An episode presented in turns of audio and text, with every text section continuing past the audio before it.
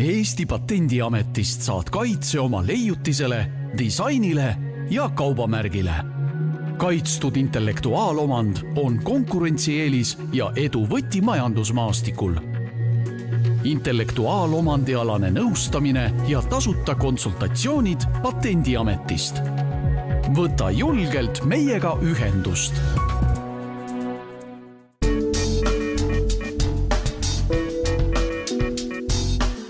head kuulajad, me räägime täna patentidest, aga me alustame sellest otsast, et äh, enne on vaja midagi leiutada, kui seda saab patenteerida. Ja me arutamegi sellel teemal, et äh, kas tänapäevases maailmas on patent üldse oluline? ma võin vist ausalt vastata, et on, ainult et patentide siis nii-öelda, ma ei tea, siis fookus on äkki muutunud, et pigem me oleme liikunud ütleme, tehnoloogia poole pealt äkki tarkvara poole peale, aga nendele küsimustele on mul stuudios äh, mees, kes oskab äh, vastata nendele küsimustele, mida ma küsima hakkan. mul on äh, üle laua Patendiameti patendiekspert Aare Abrams, kellega me hakkame arutama seda, et mis asi on leiutis ja mis asi on patent peaasjalikult ja, ja mis asjad need on, mida täna paten-, patenteeritakse, kuidas see käib, mis see maksab üleüldse kogu see, kogu see temaatika, sest et äh, mis on võib-olla patentidega niisugune põhiline nagu arusaam, on see, et äh, noh, võtad patendi ja siis elu lõpuni kõikides kohtades on sinu nii-öelda intellektuaalne omand või sinu leiutis nii-öelda kaitstud. see vist tegelikult päris nii ei ole, isegi kaugel sellest. aga ma hakkangi, hakkangi nagu vaikselt siit äh, otsast oma küsimustega minema, et aga äh, Aare, kui alustaks võib-olla sellist põhilisest, et äh, ma ei tea, mis asi on Patendiamet üldse? selles mõttes, et äh, ta on üks ruu-, üks maja, üks ruumid, seal on inimesed, kes tegelevad sellega, et anda nii-öelda kindlus mingisugusele leiutisele või, või mingisugusele mõttele, et mis, mis, mis maja see Patendiamet on? üks asi, mida me veel Patendiameti kohta teame, on see, et Albert Einstein töötas selles pikalt, samal ajal kui ta mõtles välja põhimõtteliselt tänase füüsika alustalasid või noh le, leidis ja otsis neid. Tere ka minu poolt. Albert Einstein ei töötanud Eesti Patendiametis naljaviluks. kõigepealt siis, mida, millega tegeleb Eesti Patendiamet Eesti Patendiamet tegeleb, eks ole, intellektuaalomandi kaitsega, e-, ennekõike just tööstusomandi alal ja viimased paar aastat, poolteist eh, oleme ka natukene hakanud tegelema autoriõigustega. aga kuna mina olen eh, patendiekspert, siis täpsemalt me räägime siiski tööstusomandist ja just patendi kasu ja kasuliku mudeli kaitsest. üldse meie, meie amet tegeleb veel, eks ole, kaubamärkide, tööstusdisaini, mm, geograafiliste tähiste e, ja ka meie osakond näiteks mikrolülituste topoloogia kaitsega, e, kirjanduskunst, teadusartiklid, tarkvara jäävad siis autoriõiguste alla, nendega tegelevad meie maja juristid põhiliselt.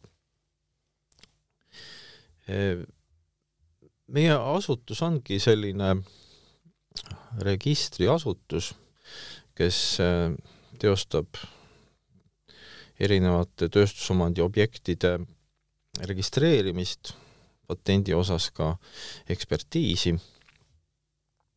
meie inimesed on jagunenud siis vastavalt nende objektide äh, kaupa erinevateks spetsialistideks, ekspertideks. Meil on siis kaks põhiosakonda, patendiosakond ja kaubamärgiosakond. patendiosakonnas tegeletakse, nagu nimigi ütleb, patentidega ja ka kasulike mudelitega. kaubamärgi osakond tegeleb kaubamärkide tööstusdisaini, geograafiliste tähiste registreerimisega ja lisaks veel, eks ole, tugiosakonnad ja hiljuti loodud siis autoriõigustega tegelev osakond ka. et siis piltlikult öeldes ähm, kõik, mis on ähm, selles mõttes niisugune äh, kunstiloome, see jääb nagu välja Patendiameti sellisest äh, nii-öelda vaatest siis, jah? no selleks tuleb natukene rääkida ka natuke taustast. esiteks, intellektuaalomand jagunebki kaheks põhigrupiks. Üks on autoriõigused ja teine on tööstusomand. Nende kaitse rakendub erinevalt. autoriõigustele rakendub kaitse automaatselt, nii-öelda selle loomingu loomishetkest. ja nende õiguste saamiseks ei ole vaja otseselt mingisuguseid taotlusi, mingeid registritoiminguid, aga tööstusomandi osas see ei ole nii. tööstusomandi õiguste saamiseks tuleb ikkagi esitada taotlusi, kas patendi, kasuliku mudeli, kaubamärgi või tööstusdisaini osas. ja kui siis see registreeritakse, siis rakenduvad ka need õigused siin on veel muidki kitsendusi, natuke hiljem räägime täpsemalt, aga need õigused on ajaliselt piiratud ja territoriaalselt, on ka välistusi, nii et äh, alati ei ole asi nii lihtne, kui võiks oodata. aga miks see, miks see nii on, et äh, kui on äh, noh, nii-öelda klassikaline nii-öelda kunstiloome, et siis see on nii-öelda sünnist äh, saati minu oma. Jah, okei okay,, tõenäoliselt ma pean suutma tõestada, et ma selle kirjutasin, aga noh, tänapäeval ei ole see väga probleemiks, ma eeldan. et äh, miks äh,, miks näiteks mingi tehnilise asja leiutamisel ei ole auto, automaatselt nagu rakendus mulle, vaid ma pean hakkama eraldi nii-öelda seda patendi või kasuliku mudeli siis nii-öelda äh, ma ei tea, on ta siis õigus või, või, või, või kindlustus või seda nii-öelda rakendama? no autoriõigused on, võiks öelda, varasemad mis puudutab tööstusomandit ja selle registreerimist ja neid õigusi, siis tegelikult ka need on küllalt äh, vanad juba, ma räägin siin võib-olla mm -hmm. hiljem sellest ajaloost täpsemalt, aga ilmselt on tööstusomandialane registreerimine vajadus tingitud äh, nende objektide olemuslikust keerukusest eriti mis, mis puudutab leiutisi. leiutistel ei ole alati koheselt hoomatav, milles see seisneb. seda peab ka üsna spetsiifiliselt esitama, et ta oleks üldse võrreldav olemasoleva tehnika tasemega ehk siis varasemate leiutistega.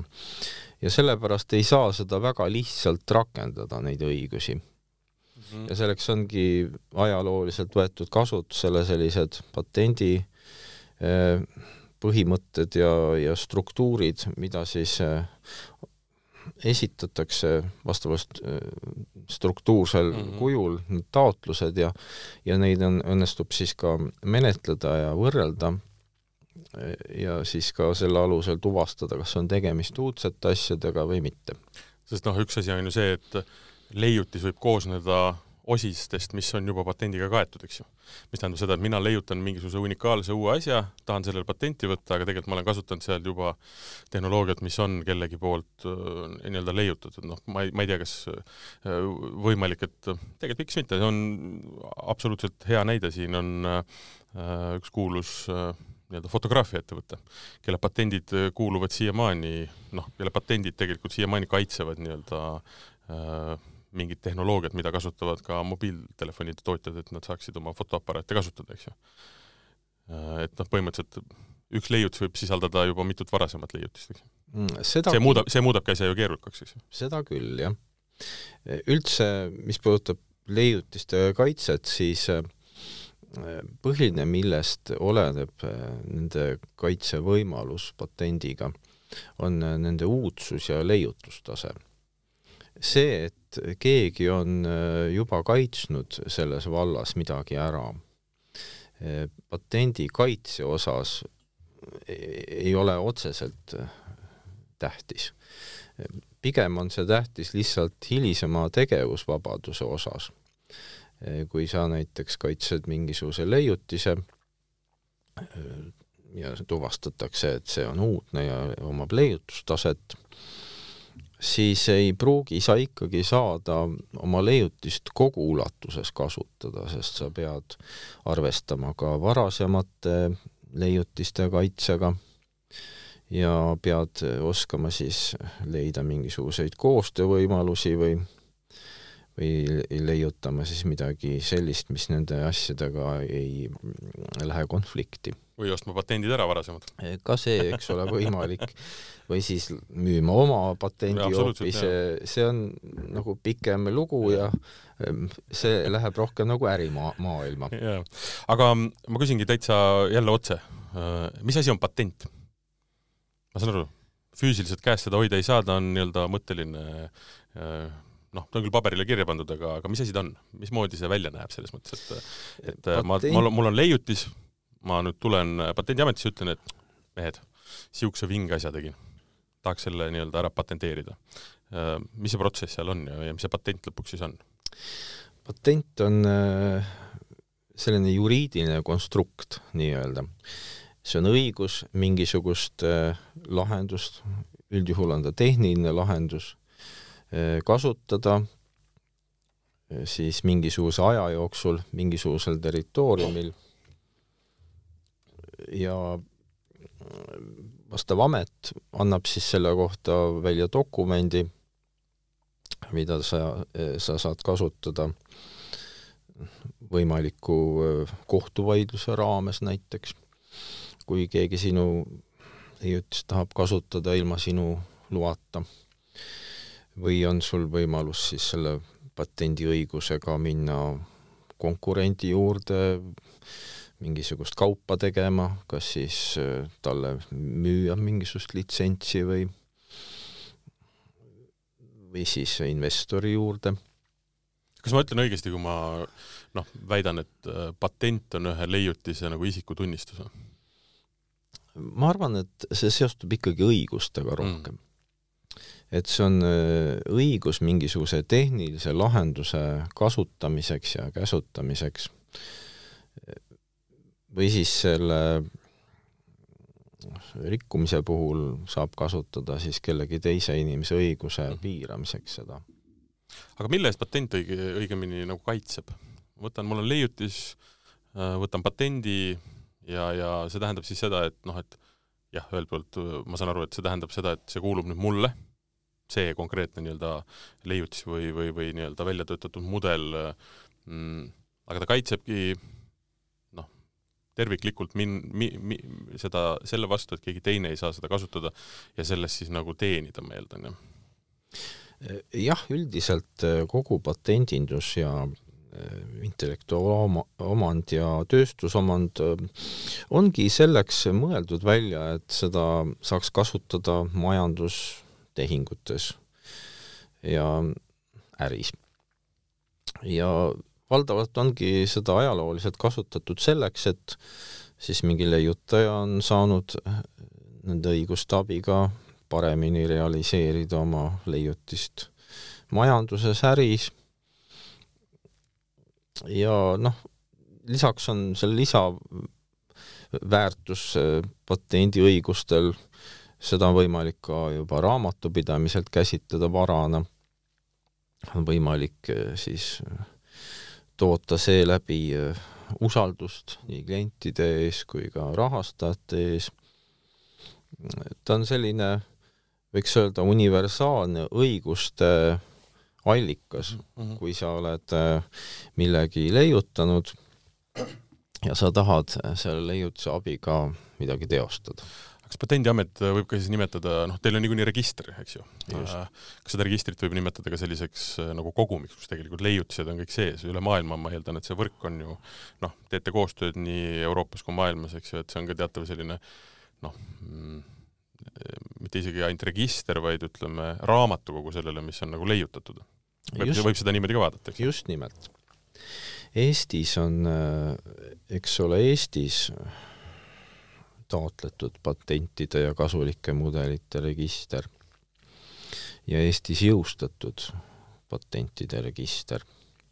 aga üldse ülemaailmselt äh, on äh, nii erinevates riikides kui ka üleriikide eksisteerivaid äh, andmebaase, kus on võimalik siis leida erinevaid olemasolevaid patente võiks öelda, et see ongi üks oluline ja põhiline osa meie tööst, mitte niivõrd uurida ainult seda, missugused patendid on jõus või kelle õigusi nad kaitsevad mm. -hmm. see ei ole meie ameti seisukoha pealt kõige tähtsam aspekt. aga meie jaoks on just tähtis see, et taotletavad leiutised eh, nende menetluse käigus me peame tuvastama, kas nad on uued, kas nad omavad eh, piisavat leiutustaset mm, -hmm. ja selleks me peamegi teostama otsingut küllalt laia, ülemaailmselt et tuvastada olemasolev tehnikatase ja siis otsustada, kas taotletud leiutis on uus või ei ole. ma eeldan, et noh, ütleme, me räägime leiutajatest, eks ju, siis noh, meil tuleb äh, silme ette selline äh, nii-öelda kergelt äh, udu, uduse, aga samas ka nii-öelda väga niisuguse äreva silmavaatega härrasmees, kes mõtleb välja maailmas parimaid asju, noh, leiutaja, eks ju. et noh, kindlasti on selliseid inimesi ka olemas, kelle huvi ongi leiutada asju ja mõelda asju, asju välja, aga tegelikult suurem osa ju tege-, ma arvan, nende leiutiste taga on ettevõtted, kes arendavad mingisugust oma toodet. ja, ja siis nad lihtsalt jõuavad, noh, ja ne, nemad kasutavad ka tõenäoliselt seda nii-öelda raamatukogu või siis seda, seda registrit selleks, et saada aru, noh, lihtsam on ju võtta kellegi valmis toodetud asi, see ära osta või seal kaup teha ja integreerida see enda tootesse.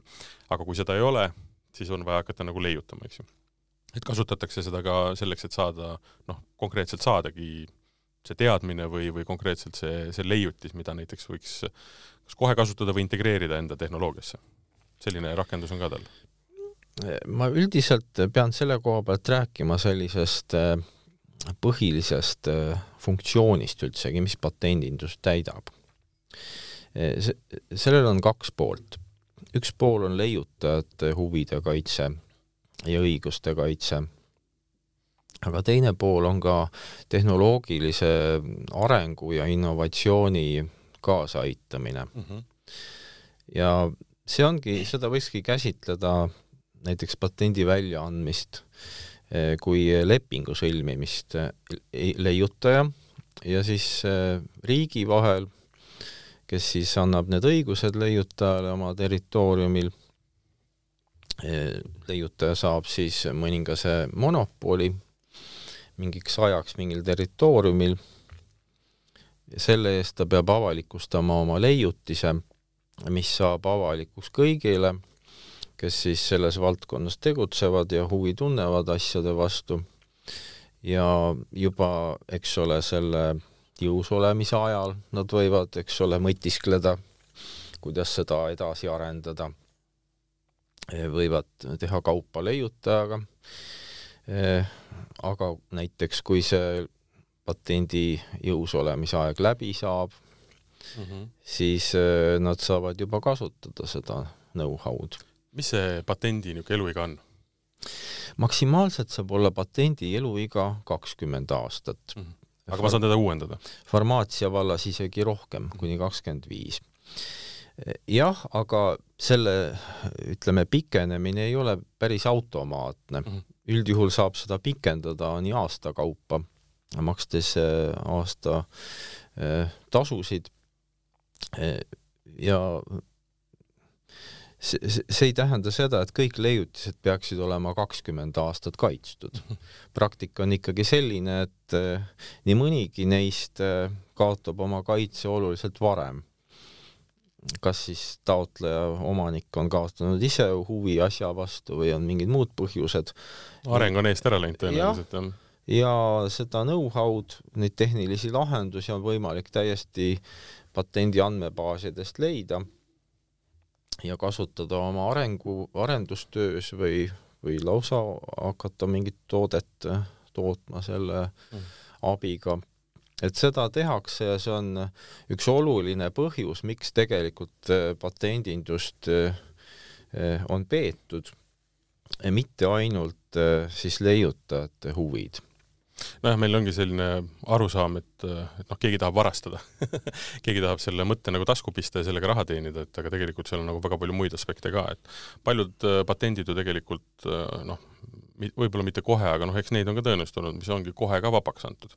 on selgelt nii-öelda leiutaja saanud kirja, dokumentatsioon paika, aga tegelikult noh, võib, võib seda kogu maailm kasutada jah, ega on ka selliseid leiutisi, mis on ainult avaldatud.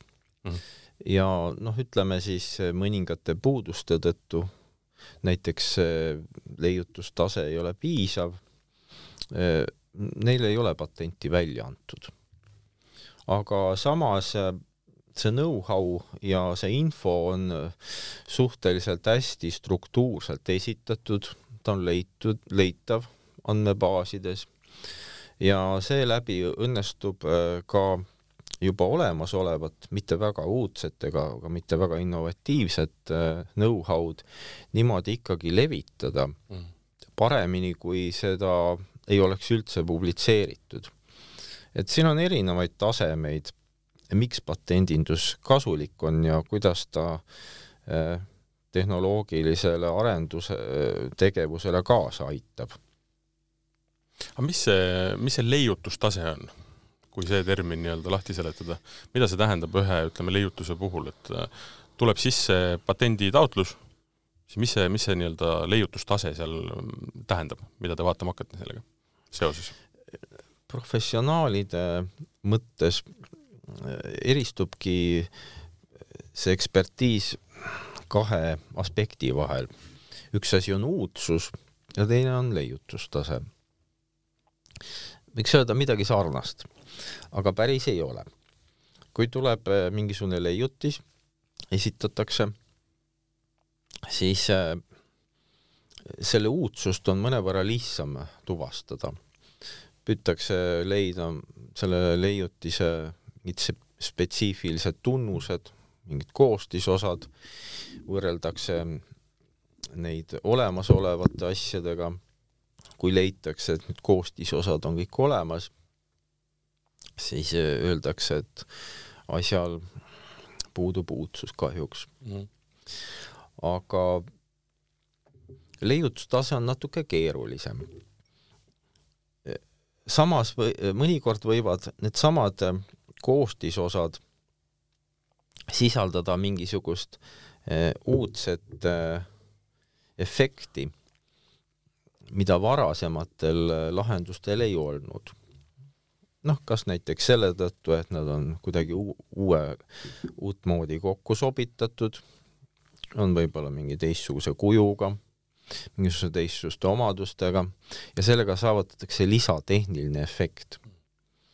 ja see, selle efekti olemasolul me saame rääkida, et on toimunud selline leiunduslik arendus edasiminek nagu jah. ja see on siis teine äh, aspekt, mida patendieksperdid patendiametites vaatavad, on ka kolmas, seda nimetatakse tööstusliku kasu, kasutatavuseks, tööstuslikuks kasutatavuseks. noh, kõige grotesksem näide on võib-olla igasugused äh, igiliikurid ja, ja ajamasinad, mis, mida ei ole võimalik teostada ja sellepärast nad ei äh, ei ole patenditavad, mis siis, et nad on võib-olla uudsed, keegi pole selliseid asju enam esitanud või oma olemuselt ka väga innovatiivsed või niisugused leiunduslikud, kuna väidetavalt on tegemist ju uue asja ja mis omab põnevaid funktsioone. aga kuna teostada ei saa, siis, siis seda ei saa leiutiseks pidada. mis teoreetiliselt võivad ka ju toimida, aga päris maailmas see päris nii ei ole, eks ju? no sageli ka mitte teoreetiliselt aga üldiselt on nii, et äh, idee lihtsalt, mis on hästi kirjeldatud, hästi nii-öelda äh, läbi vaieldud, ei ole veel nii-öelda see, millele patenti antakse, ta peab olema reaalselt ikkagi niimoodi läbi toimetatud, et äh, oleks sellele kas olemasolevale või täiesti uuele nii-öelda siis lahendusele, et ta ikkagi oleks äh, noh, päris maailmas kontrollitav siis või? ta ei, ta ei saa olla hüpoteetiline. Te tõite sisse sõna idee, see on väga hea ideed ei saa kaitsta. idee ongi selline asi, mis ei ole veel nagu teostatud või millel ei ole esitatud tehnilist teostust. patendindus ja patendiga kaitstav leiutis saab olla ikkagi mingisuguse idee tehniline teostus. võikski öelda, et patendiga kaitstav leiutis peab lahendama mingisuguse tehnilise probleemi, tehnilist lahendust mm. -hmm, mm -hmm. aga siin oli veel äh, kaks terminit, mis äh, on omavahel natukene erisus, on patent ja siis on kasulik mudel. jah. et nende vahe on ka kindlasti üsna, üsna konkreetne, eks ju? jaa, üldiselt on tegemist äh, sarnaste asjadega, mõlemad kaitsevad leiutisi. Ja kui vaadata ka dokumentatsiooni, nii taotlusdokumentatsiooni kui ka patendi või kasuliku mudeli kirjeldus, siis eh, struktuurselt on nad sarnased. erinevus on selles, et patendindus või patente antakse välja ülemaailmselt küllalt sarnasel kujul isegi täiesti kõik osad ja struktuurid ja põhimõtted nende ekspertiisiks on sarnased Eh, kasulikud mudelid, esiteks kõikides riikides neid üldse ei ole eh, ja paljudes riikides, kus nad siis on, nende eh, taotluse põhimõtted, ekspertiisi neile ei tehtagi sageli, need on erinevad. Võikski öelda, et kasuliku mudeliga kaitstakse selliseid lihtsamaid leiutisi, millel on väiksem leiutustase mm.. ja selles osas on ka selle taotlemise protsess lihtsam ja kehtivusaeg on ka lühem mm, -hmm, kuni mhm. kümme mm -hmm. aastat mm. -hmm omal ajal ja mõnikord on nimetatud neid ka väikseks äh, leiutiseks või äh, selliseks, ütleme, lihtsamaks leiutiseks. okei, okei.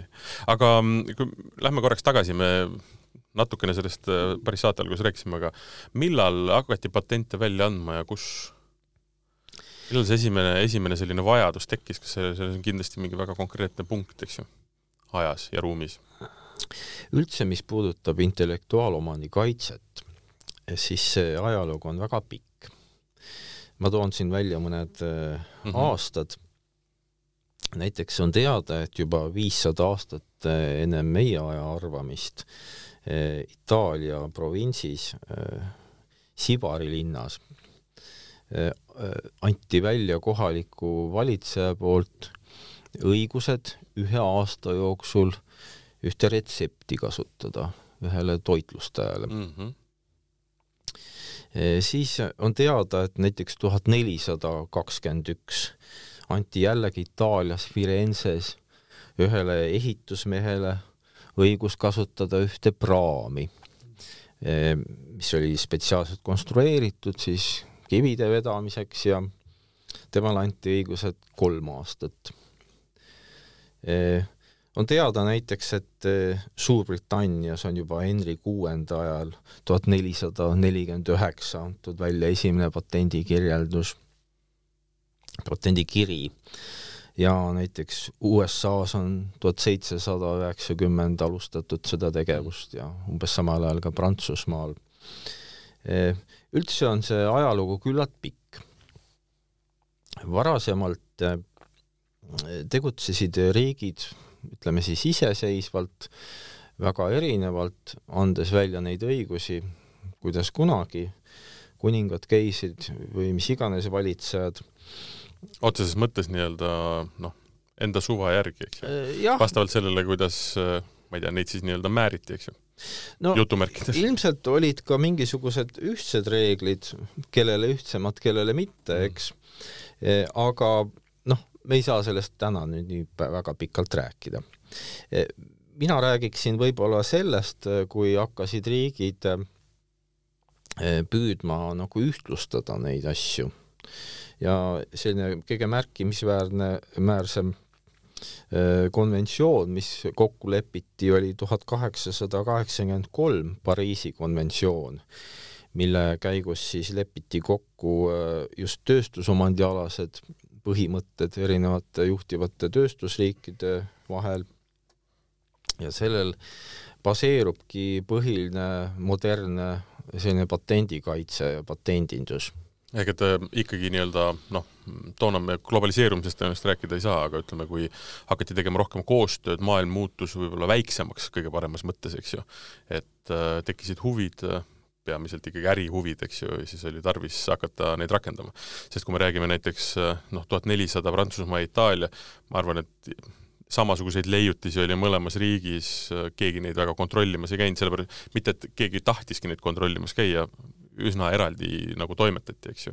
et ma eeldan, et, et see ikkagi on seotud sellega, et tekkisid nii-öelda suuremad konglomeraadid ärilises mõttes, kes tahtsid oma eelist nii-öelda maksma panna kindlasti need riikidevahelised kokkulepped ja harmoniseerimine selles vallas on just rahvusvahelise kaubanduse ja äriga mm -hmm. seotud juba siis ülemöödunud sajandi lõpupoole, noh, on ju teada, et ülemöödunud sajandi keskpaik ja oli selline suur mehaanika ja mm. võiks öelda omaaegse tehnoloogia õitsengu aeg. see ilmselt ka tingis selle. ega tööstusrevolutsioon. just. absoluutselt, jah. aga äh, üks asi, mis veel on äh, võib-olla noh, paljudele võib-olla ebaselge, on see, et okei okay,, ühelt poolt äh, me just rääkisime sellest, et need reeglistik on nii-öelda ühtlustatud, jah, see on see, et Eestis välja antud patent, see, see, see tähendab sedasama, ütleme siis Ameerika Ühendriikides või ütleme Aasias kuskil ja, ja tal on samasugused nii-öelda õigused või noh, ütleme, see keel on sama, ma võiks öelda pigem nii, sest et reaalsus on see, et Eestis välja antud patent on Eestis kasutatav patent selles mõttes, et see kaitse ei ole ju äh, või, või kas nüüd Euroopa Liidus on ka ühine kaitse, aga tegelikult et, et kaitsta oma siis nii-öelda leiutist, sa pead tegelikult kaitsma seda väga erinevates piirkondades, et see ei ole niisugune globaalne kaitse, on ju. just. ma pean natuke nüüd detailsemalt seda asja absoluutselt. ma ütlengi, et see on minu, minu nägemus asjast, eks üldiselt on äh, patendikaitse ikkagi lokaalne mingisuguses mingisuguse riigi territooriumil üldjuhul. ja selle taotluseks peabki selles riigis seda taotlema ja siis saadakse see nii, nagu selles riigis neid asju aetakse. on olemas võimalused näiteks Euroopa Patendiameti kaudu esitada üks taotlus, mida saab siis hiljem jõustada erinevates Euroopa riikides Euroopa Patendiametil on äh, kakskümmend või kolmkümmend üheksa liikmesriiki. E, sellest ma muidugi ei jõudnud veel rääkida, et äh, pärast äh, Pariisi konventsiooni on möödunud sajandi jooksul toimunud ka mitmeid muid mm -hmm. kokkuleppeid. Tuhat üheksasada kuuskümmend seitse alustati, asutati ülemaailmne intellektuaalomandi organisatsioon ja tuhat üheksasada seitsekümmend kolm alustati Euroopas ühise äh, patenditegevusega, võeti välja, võeti vastu Euroopa patendikonventsioon. ei olegi väga vanad tegelikult. just, ja mm. loodi Euroopa Patendiamet ja läbi selle tänapäeval Eesti on näiteks liitunud Euroopa Patendiametiga kaks tuhat kaks aastal, kui me liitusime Euroopa Liiduga, kuigi Euroopa Patendiameti organisatsioon kui selline ei ole otseselt seotud Euroopa Liiduga mm.. näiteks Euroopa Patendiameti eh, lepinguliste riikide hulka kuuluvad kolmkümmend üheksa riiki, eh, kelle hulgas on nii mõnedki, kes ei ole Euroopa mm. Liidus, näiteks Türgi ja Šveitsi ja mm -hmm. Norra ja et noh, Suurbritannia ikkagi veel jätkuvalt ja nii edasi, eks. Eh, siis läbi selle ongi võimalik saada eh, ütleme, lihtsama menetlusega rohkemates riikides patendikaitset Euroopa Patendiameti kaudu. aga pild, jaa, aga piltlikult öeldes, et kui mul on mingi leiutis ettevõtluses, mille ma olen leiutanud, siis tegelikult noh, ma eeldan, et on olemas terve nii-öelda hunnik äh, inimesi mul tööl, terve osakond, me jõuame kohe nendeni, kes, kuidas neid kutsutakse, eks ju, kes tegelikult tegelevadki sellega, et minu seda ühte leiutist üle maailma patenteerida. noh, kui see on selline leiutis, mis võiks olla huvipakkuv noh, väga laias äh, nii-öelda geograafilises areaalis, eks ju sest ma pean igas selles piirkonnas, kus ma võib-olla tegutseda tahan või noh, mingisuguste leiutiste puhul üleüldse terves äh, globaalselt see asi ära nii-öelda enda jaoks patenteerida, siis tegelikult see on ikkagi üks suur tükk tööd, eks ju. seda kindlasti, aga ega ei saa nüüd öelda, et Eestis või ka teistes riikides nende patendindusega tegelevad kohe suured osakonnad. võib-olla tõesti, mitte võib-olla, vaid suuremates firmades muidugi see nii on. aga väiksemates firmades heal juhul on seal mõni inimene või lausa üks ja väik-, veelgi väiksemates polegi neid inimesi konkreetselt mm. -hmm. siis äh, levinud praktika on ikkagi selline, et äh, kui ettevõtja leiutaja näeb, et tal on mingi potentsiaalne leiutis, siis ta kas püüab ise seda asja endale selgeks teha või näiteks äh, läheb patendibüroosse mm, -hmm. pöördub patendivoliniku poole. jaa, tulebki teha väga oluline vahe, on olemas patendiekspert, kes olete, kes olete teie selles mõttes, et kes on siis riigi poolt või selle organisatsiooni poolt, kes siis kontrollib, et see leiutis oleks väärt seda patenti saama, ja nüüd on patendivolinikud, kes on siis noh, põhimõtteliselt istuvad teis, teisel pool lauda siis, ma saan aru, jah? ei saa öelda, et, et see laud oleks liiga pikk. Et äh, patendivolinikud kahtlemata on äh, patendi taotleja huvide kaitsjad ja nende abimehed. ja piiratud juhtudes võib tekkida olukord tõesti, et äh, taotleja tahab saada leiutist, aga meie näiteks ei taha seda anda välja. no ma isegi ei mõelnud seda, et see oleks niisugune vastastikuline ja. suhtlemine, aga sul on noh, teisel pool peab ka olema esindaja. just, et mõnikord on ka vaidlusi selles vallas, aga üldjuhul on ikkagi nii, et patendivolinik aitab äh, koostada patenditaotlust teeb isegi mõnikord eelnevalt äh, mingeid otsinguid, teostab äh, võiks öelda omalaadset ekspertiisi juba eelnevalt, selgitab taotlejale mõnikord, et mõnda asja polegi võib-olla mõtet kaitsta, või siis püüab leida nende leiutiste puhul koos leiutajaga mingeid olulisi aspekte, mis väärivad kaitsmist et võikski öelda, et patendivolinik äh, aitab äh, taotlejat, aitab leiutajat for-, formuleerida oma leiutist mm -hmm. ja aitab ka meid selles mõttes, et patendibüroodest patendivoliniku poolt esitatud taotlused on sageli mhm. paremad struktuurselt ja sisuliselt, neid on võimalik kergemini siis menetleda ja mõnikord mm -hmm. kergemini siis välja anda. Aga me tuleme korraks äh, täiesti tänapäeva, kus äh, noh, ütleme, võtame sotsiaalmeedia arvesse, võtame erinevad nii-öelda siis äh, noh, kogu selle me oleme kõik nii väga seotud, eks ju, info liigub väga kiiresti, infot on võimalik väga kiiresti leida, siis kuidas on, ütleme, tänase patendi niisugune väärtus muutunud? Arvestades seda, et noh, et, et kui ma hakkan midagi leiutama, teen selle, seda väga-väga avalikult siis tegelikult äh, noh, on ju võimalik minu nii-öelda selle leiutise äh, omand ju selle järgi väga hästi kindlaks teha. ma saan aru, tehniliselt on see võib-olla absoluutselt nagu siga ja kägu, aga et et ühelt poolt ma saan aru jah, patendi väärtus on see, et ta registreerib ära nii-öelda selle konkreetse lahenduse ja teiselt poolt siis annab talle nii-öelda omandiõiguse. Et on, on tänapäeval selles mõttes nagu muutunud või ma küsin siis ka seda, et kas patent on nagu rohkem väärtuslikum või vähem väärtuslikum täna? ilmselt on see väärtus enam-vähem ikka sarnane mm., nagu tal alati on olnud.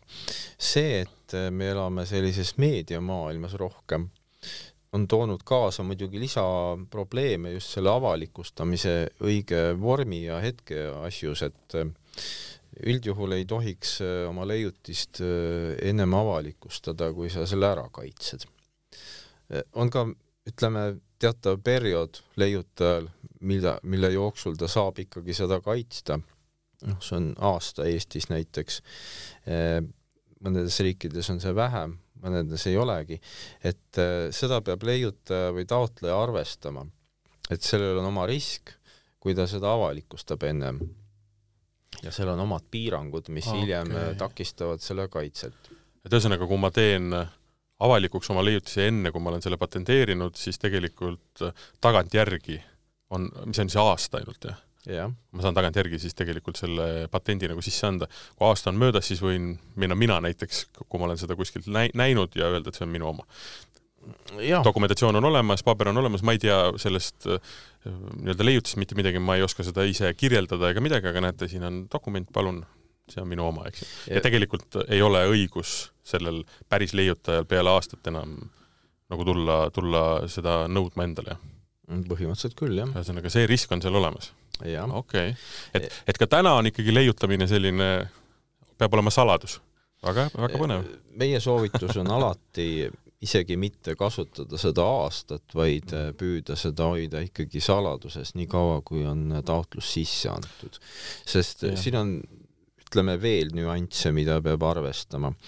Äh, mõned leiutajad tahaksid ikkagi oma leiutist kaitsta ka mujal kui Eestis, siis Eesti taotluse äh, najalt on võimalik edasi minna mm. -hmm. jällegi aasta jooksul. okei okay. mm. -hmm.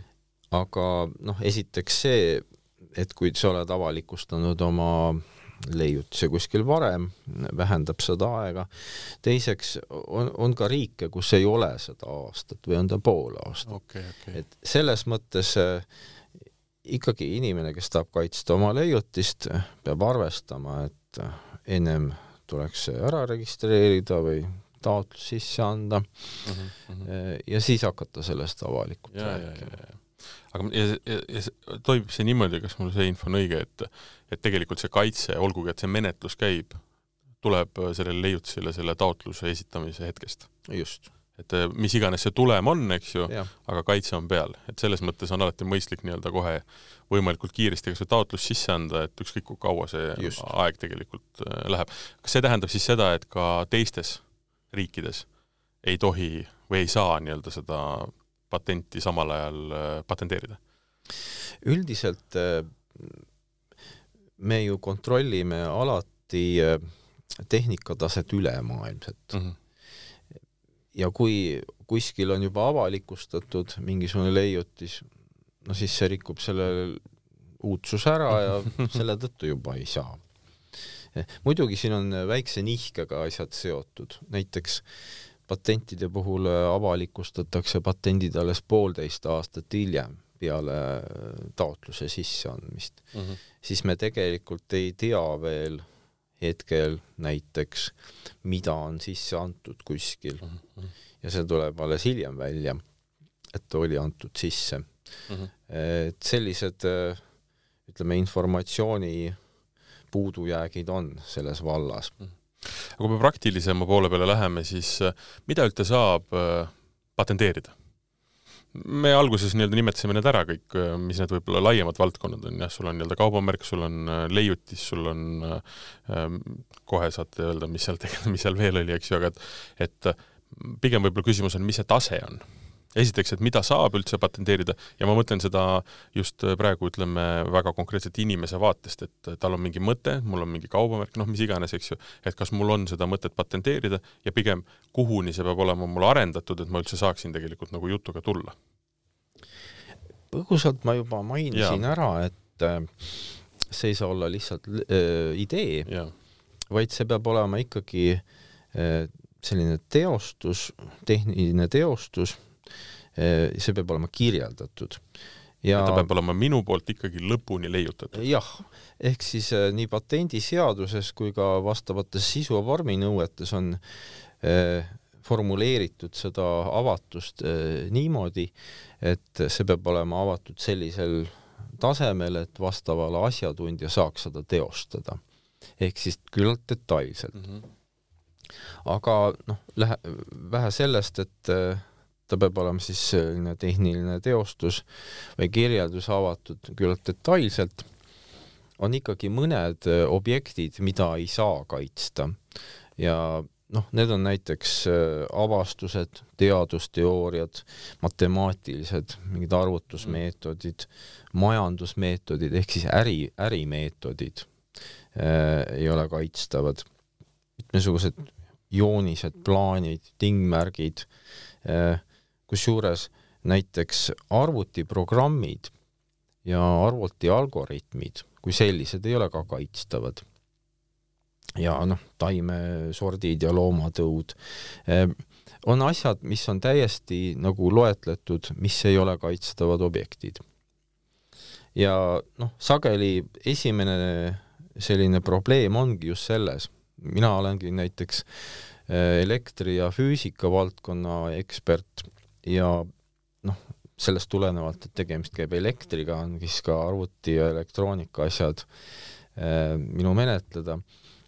Ja paljud, me räägime ilmselt sellest veel natuke detailsemalt, kuhu tänapäeva elu läheb ja mida siis rohkem või vähem tahetakse kaitsta, aga eh, juba etteulatuvalt, siis probleem ongi tänapäeval selles, et kust jookseb piir siis eh, arvutiprogrammide sellise immateriaalse ja materiaalse maailma vahel.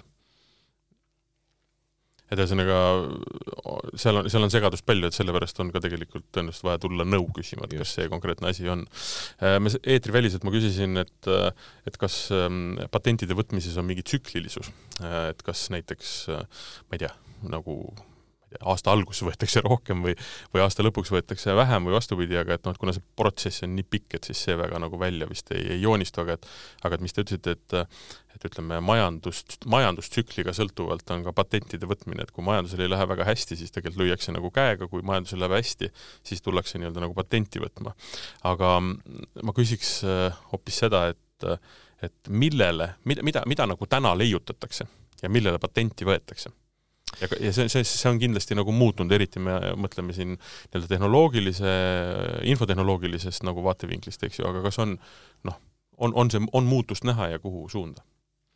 mida leiutatakse? kahtlemata kipuvad viimase aja leiutised olema, ütleme siis nendes tehnikavaldkondades, just arvutitega seonduvad suur tendents on, et äh, varasemad puhtalt mehaanikalised äh, süsteemid, mehaanilised süsteemid muutuvad ikka rohkem ja rohkem nii-öelda komputeriseerituks mm, -hmm.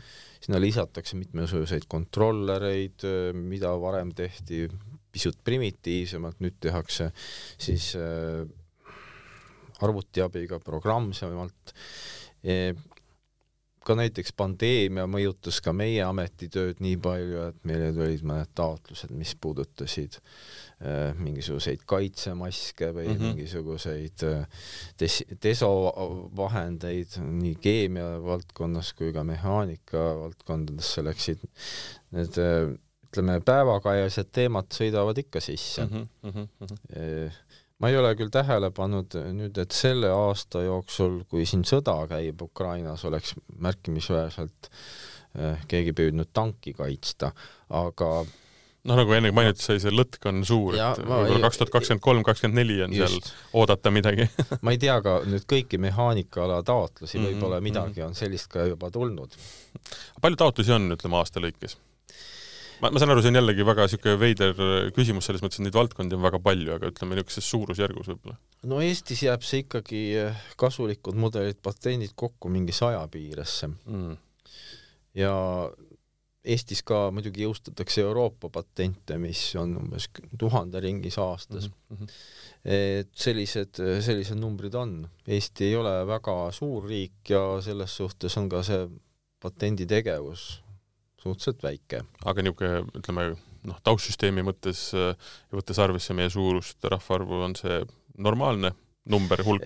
jaa, Eesti üldjuhul alati lööb oma rahvaarvuga paljusid äh, asju ja ka patendindujas ei ole eestlased äh, halvad leiutajad aga noh, üldiselt vist äh, seda ma võin vist väita, et kui juba leiutada, siis tegelikult patent võetakse, et see ei ole, seda ei tehta nii-öelda sahtlisse selles mõttes, et meil oleks kuskil väga palju leiutajaid, kellel on noh, tuhat täis põnevaid asju, mida, mida kaitstud ei ole, eks ju meie ei või seda kõike teada, mida keegi leiutab no seda küll, jah. nii palju ma võin rääkida, et äh, osa leiutajaid siiski taotleb oma leiutiste kaitset mingites teistes riikides kohe otse mm. -hmm. ja võikski öelda, et äh, leiutajaid on erinevaid, siin vahepeal lipsas sisse mingisugune selline kujund, et leiutaja on üks selline ebaenesekriitiline, pisut äh, hullumeelse pilguga, ma tahtsin öelda. aga üldjuhul on isegi kui selliseid on mõned, siis äh, valdavalt on leiutajad ikkagi väga tõsised ja asjalikud inimesed ja sageli parimad leiutised tulevad üldse näiteks ülikoolidelt meil. Tehnikaülikool on väga aktiivne patenteerija ja noh, nii kasu, kasulikud mudelid kaasa arvatud, kui ka näiteks Maaülikool tuleb ka väga häid leiutisi mm. -hmm. et äh, need ei ole kaugeltki mingisugused väga mm, sellised äh, kergemeelsed need taotlused, vaid need on väga tõsised äh, mhm. leiutised ja mhm. osa on ka, antakse koheselt kas äh, Euroopa Patendiametisse või siis USA-sse või näiteks siin meie kõige võiks öelda popimad äh, tööstused nagu Cleveron on andnud mitugi patenti hoopis USA-sse, on ka Eestisse antud. no kuna see on nende sihtturg, eks ju. just mm, -hmm. et äh, siin on äh, erinevusi väga palju.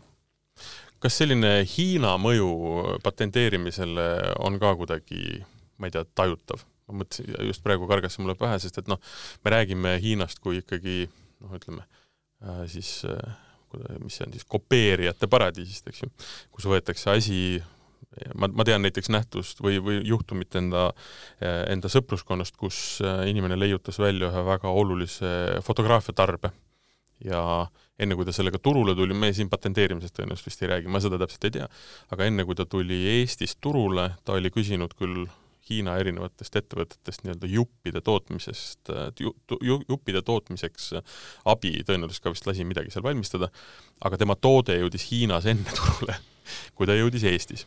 ehk et kas see, seal, noh, ma saan aru, igat leiutist ei lähe, noh, sa mõtled küll leiutajana, et nüüd nende huvi on metsik kohe, kõik tulevad hagijatena kallale, see tõenäoliselt päris nii ei ole, aga, aga tegelikkuses noh, keegi ikka jälgib kas see Hiina mõju on nagu kuidagi täna ka veel arvestatav? noh, kindlasti on, aga kuidas ta, on seda näha või, või, või? Hiina mõju tunnetame meie kui patendieksperdid ennekõike läbi selle, et äh, kuna meie igapäevane töö seisneb selles, et me peame pidevalt teostama otsingut mm, -hmm. olema kursis äh, tehnika tasemega erinevates valdkondades, siis äh, viimaste aastatega, võib-olla isegi viimase kümne aastaga on toimunud meeletu Hiina selline aktiveerumine. Hiinas endas toodetakse väga palju sellist äh, patendialast informatsiooni. noh, nende enda patenditaotlused piltlikult mm.. mis on, ütleme, keskmise eurooplase jaoks ikkagi küllalt raske aru saada, noh, mingid masintõlked küll võimaldavad mm., aga sageli ei ole see nii lihtne ühe leiutaja jaoks Hiina on see probleem, et kui sinna ka läbi väga suurte raskustega õnnestub midagi minna kaitsta, läbi Hiina mitme patendiameti, siis ei pruugi see asi nagu päris vett pidada. Eh, just nimelt Cleveroniga seonduvalt oli sellest juttu. Ja ja teine asi, võib-olla patendivolinikud teaksid rohkem rääkida, kui raske see taotlus sinna Hiinasse vist ikkagi on, et yeah, yeah. meie ju, Eesti Patendiamet ei suhtle nagu Hiina patendiametiga otseselt mm. -hmm. me näeme mhm. ainult seda produktsiooni, mis sealt tuleb ja yeah. arvestame otsingute puhul sellega, aga rohkem, rohkem meil ei ole väga kokkupuudet nii et noh, ikkagi tegelikult nagu me rääkisime, see on, tegemist on juriidilise konstruktiga, mis tähendab seda, et kui seda nii-öelda see vastaspool hindab ja, ja väärtustab, siis sellel on jõud. Ja kui ei väärtusta, siis tegelikult seda jõudu ei ole, noh, et kui sa võid ju Hiinasse minna ja seal toimetada, aga sulle vaadatakse vastu, et noh, tore, et tulid, mõnusad paberid, aga ega siin need väga nagu rolli ei mängi, eks ju, et või no, noh, ma, ma arvan, see nii banaal, nii, nii banaalselt lihtne see ei ole, aga küll leitakse nagu viis, kuidas see ära nagu summutada nii-öelda, eks ju. ma ei või rääkida sellest, mis toimub Hiinas aga võib oletada, et vähemalt Hiina ettevõtjate vahel omab see ikkagi tähtsust mm. -hmm, mm -hmm. kas või siseturul neil. jah, noh, laiemas plaanis mm -hmm. lihtsalt, et noh, et, et kui noh, Euroopa on tõenäoliselt selles võrra, võrra lihtsam, et me hindame seda nii-öelda euroopalikku õigussüsteemi ja ruumi ja, ja siin on võimalik need noh, kohtus või kus iganes need äh, probleemid nagu ära lahendada, need omandi, omandi siis probleemid, eks ju ähm,. On veel kaks niisugust äh, väga olulist detaili, mis äh,, mida, mida arvatakse patentide kohta, et patenteerimine on väga kallis, on nendest esimene teine on see, et on väga keeruline, et võtame järjest, et äh, mis see, mis see selline patenteerimise hind on, jällekordselt ma eeldan, et seal on nimekiri väga pikk, sõltub sellest, mida ma, kuidas ma, mis asi ta on, palju ta ekspertiisi nõuab ja nii edasi, nii edasi, aga aga võib-olla kummutaks selle nagu äh, teadmise, et äh, on jube kallis. või siis, või siis kinnitame vastavalt. no kõigepealt alustaks siis, alustaks rahast. jah see on nii ja naa üldiselt, kui me vaatame Eestis äh, keht-, kehtestatud äh, riigilõivusid, äh, siis, siis see ei ole kallis. ma võin konkreetsed numbrid mainida mm. -hmm. näiteks patenditaotluse sisseandmise riigilõiv on viiskümmend kuus eurot eraisikule ja kakssada kakskümmend viis eurot juriidilisele mm -hmm. isikule. väike erinevus on. edasine kui patent välja antakse, siis on riigilõiv üheksakümmend kuus eurot. esimese ja teise aasta riigilõiv on kakskümmend kuus eurot, noh, kakskümmend kuus esimene, kakskümmend kuus teine mm. -hmm. järgmine kolmas aasta on kuuskümmend neli eurot, see on progresseeruv ja kahekümnes aasta on kuussada kolmkümmend eurot mm. -hmm. no mingisuguse pildi saab nendest riigilõivudest ette, see oli patendi puhul. Eh, kasuliku mudeli puhul on füüsilise isiku riigilõiv on ainult kakskümmend kuus eurot, juriidilise isiku puhul sada viis. ja selle eest saab juba neli aastat kaitset ilma mm., ilma ühegi lisatasuta.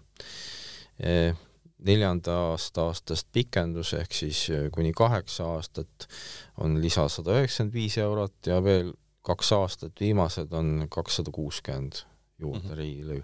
ütleme, kui me räägime ainult riigilõivudest, siis need ei ole väga suured numbrid, eriti ettevõtetele, aga tegelikult ka mm. füüsilistele isikutele, eriti näiteks kasuliku mudeli puhul, et kindlasti ei saa öelda, et see on kallis. teine asi on see, kuidas seda taotlust esitatakse. noh, kui võtta nii-öelda büroo või volinik appi, eks ju mm. -hmm. et kui kõik teha ise ära, mis pruugib olla keeruline, aga kaugeltki mitte võimatu siis, eh, siis see ei ole kallis. kui minna patendibüroosse mingi keerulise case'iga ja siis mitte üldsegi väga loominguliselt asjasse suhtuda, lasta kõik ära teha, võib see osutuda keeruliseks ja kalliks ja ja rääkimata sellest, kui taotleda välismaale, siis äh, üldjuhul tuleks seda teha ikkagi läbi patendibüroode, seal lisanduvad ka mitmesugused tõlkekulud ja välisriikidel on riigilõivud ka suuremad ja mingisugused partneradvokaadibürood ja patendibürood on seal mängus sageli ja tõesti, need võivad minna kallimaks. ja lõppkokkuvõttes päris kalliks.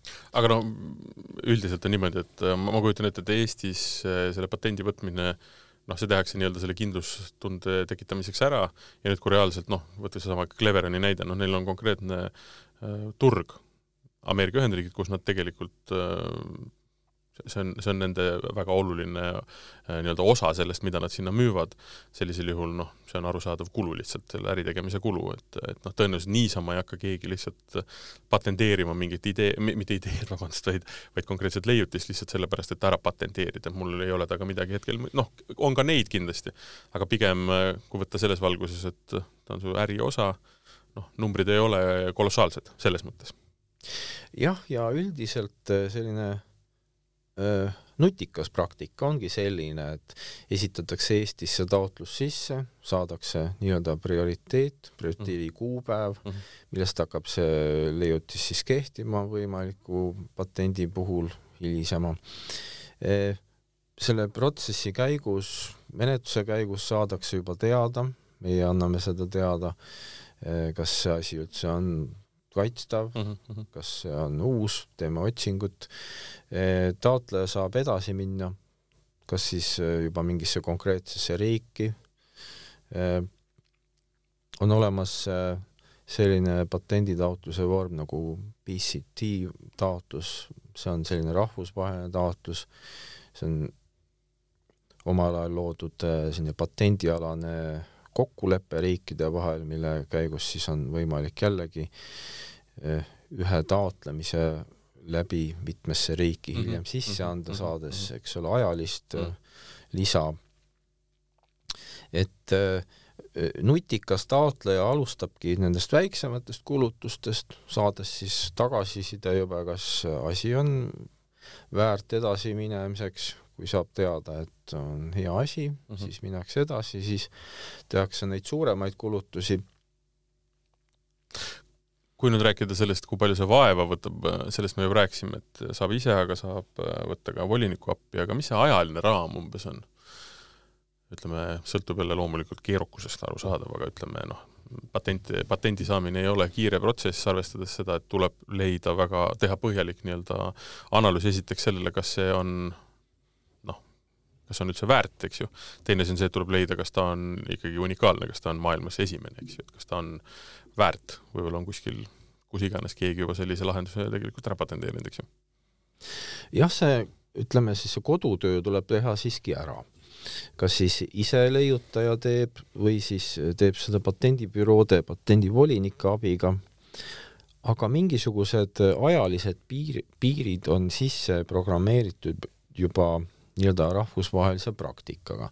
näiteks patenditaotluse avaldamine on pooleteist aasta pärast taotlusest esitamisest mm. -hmm. et see aeg on juba niigi tuleb oodata piltlikult, isegi kui su taotlus on korras, siis see meil seisab nii kaua, kui see poolteist aastat läbi saab. pärast seda on veel ekspertiisi osa, mis lihtsamal juhul võib kesta mõne kuukese, keerulisemal juhul mõne aastakese mm, -hmm. sest äh, patenditaotlust sageli parandatakse, kaitseulatust kitsendatakse, muudetakse, mõnikord ei ole ühel, ühes formuleeringus leiutis kaitstav, tuleb see ümber teha. see võtab aega. Kasuliku mudeli puhul on asjad lihtsamad, seal seda poolteist aastat viivist ei ole sisse programmeeritud, viivitust, et noh, lihtsamatel juhtudel on võimalik tõesti mõne kuuga juba seda saada. üldjuhul kipub ikka kuhugi aasta kanti minema kehvemal juhul veel kauem mm, -hmm, et -hmm. kõik sõltub asjaoludest no,. kui, kui hea taotlus on, eks ole, kui valmis ta selleks registreerimiseks on. Noh, aga keegi ei oota seda nii-öelda tulemust, sellega minnakse tavaliselt, noh, ettevõtluse puhul minnakse ikkagi edasi ja arendatakse ja ja, ja töö käib, eks ju, et see millalgi tuleb see taotluse vastus ja siis ongi, ongi patent olemas, eks ju. või seda vahepeal, kui mina edasi arendan, tulen uuesti nii-öelda uue patendiga või uue nii-öelda siis nagu taotlusega? üks asi selles, selle jutu peale tuleks ikkagi ära täpsustada, et kui me mingisugusest leiutisest räägime, siis kaitse rakendub selle leiutise kirjeldusele selle esitamise hetkeseisuga. Mm -hmm. et sellises formuleeringus, nagu ta on siis kirjeldatud, saab teda siis hiljem kaitsta kui seda täiendatakse vahepeal, noh, esiteks ei saa seda üldse täiendada sama taotluse raames, vastavalt äh, seadusandlusele lükatakse need täiendused siis tagasi, kui nad on mm., äh, laiendavad seda leiutist. ehk et kui ma olen selle pooleteist aasta jooksul, noh näiteks äh, mil see taotlus sees on ja vastust ei ole, arendan seda nii-öelda leiutist edasi ja jõuan temaga järgmisele tasemele, siis tegelikult ma peaks tegema uue taotluse. või ja. ma pean ootama ära äh, ikkagi selle esimese taotluse tulemusi ja siis saan nii-öelda minna selle võib-olla uue äh, taotlusega sisse? Põhimõtteliselt oleks ikkagi mõistlik, kui te olete juba midagi juurde leiutanud olemuslikult lisaks sellele varasemale leiutisele, siis esitada see ka uue taotlusena sisse mm. -hmm. sest noh, nii või naa, see, need asjad on omavahel, ei ole se seotud. üks asi on see varasem leiutis, teine asi on see juurde okay., juurde tehtud leiutis. et selles mõttes see on täitsa, ma saan aru, tavaline, et on üks mingisugune lõpp-produkt näiteks, millele on tegelikult võetud aja jooksul, ma ei tea, mingi terve hulk erinevaid nii-öelda patente vastavalt sellele, kuhu on nagu see arendus jõudnud. jaa, seda on märgata just selliste keeruliste tehniliste lahenduste leiutajatel mm, -hmm. kus kõigepealt kaitstakse mingisugune lahendus, siis seesama leiutaja võib kaitsta veel sellesama la lahenduse arendust mm. -hmm. Äh, okay. ei saa välistada, et keegi teine pruugib seda teha, aga tavaliselt see, kes sellega on juba varem tegelenud, on -hmm. selles valdkonnas rohkem sees ja tema võib jõuda sellele leiutisele lihtsalt ennem ja tal on nagu sellepärast võimalus seda sageli ennem teha. et ta on ikka niisugune elus organism natukene, et ta ei ole päris niimoodi, et lukus ja kõik, on ju, et ta areneb edasi. Kui me vaatame nüüd tulevikku ka, et äh, meil on siin nii-öelda ai ehk artificial intelligence on äh, noh, noh väga, väga nii-öelda suuri arenguhüppeid teinud ja ja meil on nagu rohepööre siin äh, käimas, et et kuidas need, ütleme, võib-olla niisugust patenteerimist mõjutavad? tegelikult seal on vist isegi mul kaks küsimust, et ühelt poolt ma saan aru valdkonnad, et mis see tuleviku niisugune patenteerimise ja ütleme siis leiutamise niisugune fookus võiks olla. ja teiseks, et kuidas see ai mõjutab, sest noh, täna ta teeb teksti ja heli ja, ja pilte nagu päris juba, juba mõnusalt ja mida täpsemalt sa talle kirjeldad, seda täpsemalt ta asju nagu sulle pakub, eks ju, et eh, noh, ma kujutan ette, et ka patenteerimises või ütleme siis leiutamises võib tal olla väga oluline koht. Äh, ma ei taha neid kahte asja kuidagi ühte paketti ja, ja. siduda, et äh, mis puudutab rohetehnoloogiaid, siis need on äh, täiesti tavapärased, ütleme siis pat-, patendiga kaitstavad mhm, asjad mm. -hmm. see, et nad võib-olla on rohelisemad või mitte, ei oma tehnilises mõttes väga suurt tähtsust. patendi osas ei ole vahet, jah mm -hmm.? selge on see, et kõik akutehnoloogiad, kõik päikeseenergia tehnoloogiad, kõik tuuletehnoloogiad mm -hmm. on täiesti kaitstavad. võtame näiteks Sõnajalad on kaitsnud siin generaatorite osas mm -hmm, mm -hmm, ühe patendi ja selles ei ole mitte midagi uut patendinduse mõttes. mõnevõrra uus on just see, mis puudutab tehisintellekti ja kuna üldjuhul tehisintellekti ilma arvuti ja programmita ei tee, siis selle asja muudab keerukaks just see programmi osa. sageli nii-öelda igasuguseid äh, tehisintellekti ja masinõppe vigureid jooksutatakse ikkagi arvutite peal, mis pruugivad olla küll natuke võimsamad, aga nad on ikkagi arvutid mm. -hmm. ja see põhiefekt saavutatakse sageli programmide abil, andmebaasid, mitmesugused äh, suurandmed ja noh, siin jookseb see tehnilisuse ja, ja mittetehnilisuse piir väga äh, mööda vett mm. -hmm. ja vaidlused on äh, nii Euroopas kui kogu maailmas selles osas äh, väga ägedad, võiks öelda, et asjad ei ole üldsegi veel paika loksunud. erinevates riikides on seadusandlus, mis ei võimalda selliseid asju kaitsta. ka Eestis ei ole seadusandlus väga küps selleks ja ja on ka sellised üldpõhimõtted, äh, näiteks Euroopa Patendiametis toimub regulaarselt äh, viimased aastad sellised nii-öelda töögrupid, kus mhm. püütakse välja töötada neid menetluse praktikaid mhm. või soovitusi erinevatele riikidele, kuidas just neid uusi tehnoloogiaid siis äh, käsitleda leiutiste ja patendi mõttes. nii et ka ütleme, patendimaailmas äh, on, on selles mõttes põnevad ajad, et äh, ei ole midagi siin, lihtsalt võtta taotlust vastu ja vaadata, kuidas, kas masin töötab või ei tööta, eks ju? Äh, jah, selles valdkonnas kindlasti suurepärane, aitäh, Aare, saatesse tulemast ja patentidest ja leiutistest natukene rääkimast, ma usun, et me nii-öelda katsusime seda jäämäe väga tippmist osa ainult, mis tähendab nii-öelda leiutisi patenteerida.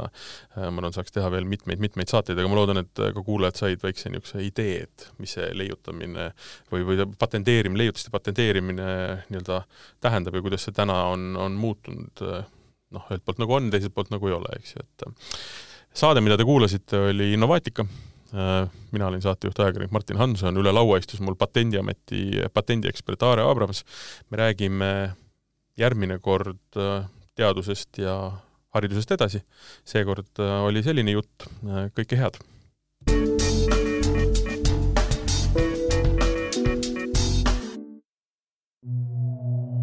Eesti Patendiametist saad kaitse oma leiutisele, disainile ja kaubamärgile kaitstud intellektuaalomand on konkurentsieelis ja edu võti majandusmaastikul. intellektuaalomandialane nõustamine ja tasuta konsultatsioonid Patendiametist.